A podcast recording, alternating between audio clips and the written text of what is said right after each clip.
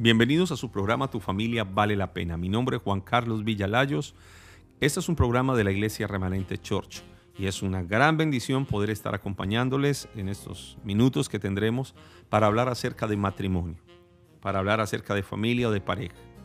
¿Sabe por qué no hay matrimonios perfectos? Porque quienes los constituyen o los construyen tampoco son perfectos. Lo que buscamos son matrimonios que vayan madurando con el tiempo aprendan a, amalgamarse, aprendan a fusionarse y a trabajar en equipo. Qué bueno tener un matrimonio sin fecha de vencimiento, una relación sin fecha de vencimiento. Para eso hay que tener unas, unas cosas claves, unas, unos principios, pero también áreas de su vida que debe de trabajar. Lo primero que tiene que trabajar en un matrimonio sin fecha de vencimiento son las tensiones. No puede permitir que las tensiones lleguen a ser conflictos y los conflictos guerras. ¿Con qué regularidad usted está tensionado con su esposa? Con su esposo. Hay un sentido de tensión en, relación en la relación de pareja. Eso sí lo hay. Todos los matrimonios tienen momentos de tensión. También. Pero tensión constante sugiere problemas no resueltos. Lo voy a repetir pero tensión constante sugiere problemas no resueltos. Recuerde lo que dice la Biblia, airados, pero no pequen. Pero si esto se vuelve constante, la alteración del sistema nervioso irá en aumento hasta que los problemas pasen de, gris a, oscuro. Hasta que, hasta que esto se vuelva como dicen, de castaño a oscuro, mejor dicho. Se vuelve muy fuerte porque no hay mediación o porque no hay forma de poder hablar tranquilamente. La condición normal de un matrimonio es, de un matrimonio, de un matrimonio sano es la paz, no la tensión. Tensiones tenemos todos, pero una tensión constante sugiere problemas no resueltos, cosas que han estado ahí, que has guardado en tu corazón, te has vuelto una persona resentida, te has vuelto una persona resentido y pilas con el resentimiento. Aun cuando estén orando, dice la Biblia, perdonen. Si tienen alguna queja contra otro de la manera que Cristo lo perdonó, también hágalo usted. Pero ¿qué me preocupa a mí? Que yo no vea madurez que yo no vea avanzar esos hogares, sino, que, que los vea envueltos en las mismas tensiones, en el mismo pasado. ¿Sabes qué te está matando? ¿Qué te está destruyendo? Está destruyendo el hogar que no has podido madurar. ¿Sabes qué es madurar? Abandonar el pasado. Y necesito que abandones el pasado. Y necesito que avances, puesto los ojos en Jesús y hágale para adelante. Pero lamentablemente, algunas personas no pueden vivir en paz. Es más, les resulta extraño. Al llegar el fin de semana le dice al esposo o a la esposa, venga, ¿hace cuánto no peleamos? Ya, ya me hace falta, imagínate. Personas condicionadas a los conflictos. Y es ahí donde queremos sacarte. A paz nos llamó el Señor. Pero si tenéis celos amargos, y contención en vuestro corazón, no os jactéis ni mintáis contra la verdad, porque esa no es la sabiduría que desciende de lo alto, sino que es terrenal, que es animal y diabólica. Es una sabiduría que no viene de Dios, porque la sabiduría que viene de Dios es pacífica, amable, benigna, llena de misericordia, sin incertidumbre. Esa sabiduría que viene del cielo, sabiduría que Dios te entrega. Lo segundo, para un matrimonio sin fecha de vencimiento, es el gozo. Una descarga de risa y felicidad en general. Esa paz, el gozo, que, esa paz que Dios da que sobrepasa todo entendimiento. El gozo, la alegría también es una condición normal de una relación sana. ¿Con qué regularidad usted y su pareja se ríen? Con qué regularidad muestran sus dientes riéndose a carcajadas. Algunas parejas no pueden recordar la última vez que los dos estuvieron gozosos en su relación.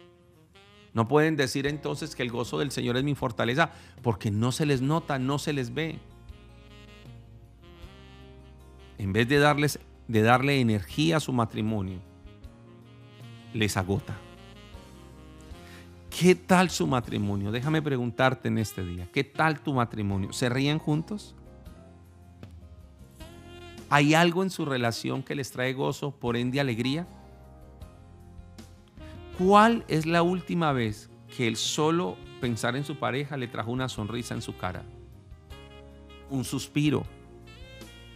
Pero algunas, algunas personas no les trae suspiro, les trae terror.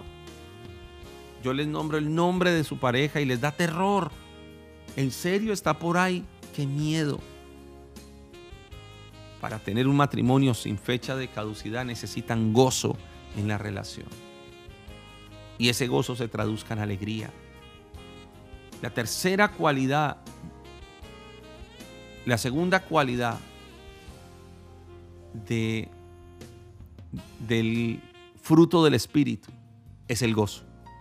La segunda cualidad, porque el primero es el amor, pero el segundo es el gozo. La tercera la paz. Pero el segundo, el gozo. El gozo del Señor es tu fortaleza gózate y alégrate con la mujer de tu juventud como graciosa y amada Gacela. Sus caricias te satisfagan en todo tiempo y en su amor recrea, recréate siempre. Gozoso en su relación de pareja, gozoso en su relación con sus hijos, un deleite abrazar y besar a sus hijos. Aún las peores cosas que pasan en casa, como cosas que se quiebran, como cosas que se dañan a veces sin querer, que podrían generar un conflicto terrible, a usted le genera risa. Estaba una vez dando en Colombia un seminario para parejas. Íbamos a hacer la renovación de votos. Cuando todos estábamos de camisa blanca y escuché en una alcoba, ah, más allá de la mía, a una mujer llorar y yo fui porque me preocupé. Cuando ahí estaba pues la pareja juntos. Cuando él me vio, me dijo, pastor, yo le dije, ¿qué pasó? ¿Por qué está llorando? Y me dijo, porque en lugar de empacarme la camisa para la renovación de los votos matrimoniales, lo que me empacó fue la blusa de mi hija. Una blusa blanca de la hija. Y ella lloraba y lloraba porque no había más camisas. Pues, o sea, sí tenía camisas, pero no camisa blanca para renovar los votos. ¿Sabe qué había pasado ah, unas horas antes?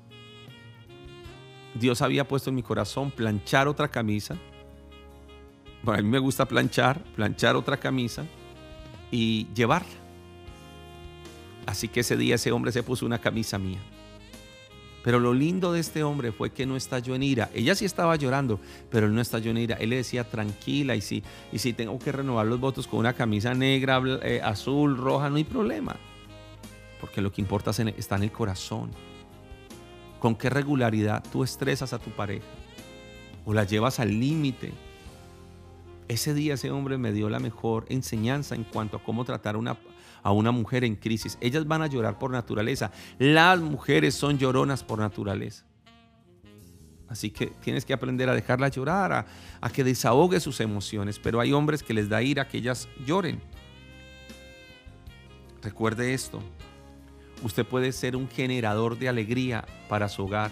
Usted puede ser un generador de gozo para su hogar. Lo tercero es pilas con las distracciones o, lo, lo distraído que puede estar. Se distraen fácilmente y les cuesta dar atención completa el uno al otro. No han pasado cinco minutos de estar hablando y usted ya cogió el celular. O ella cogió el celular o se distrajo. Venga, es que estamos hablando. Y esto de comunicación es atención completa entre dos.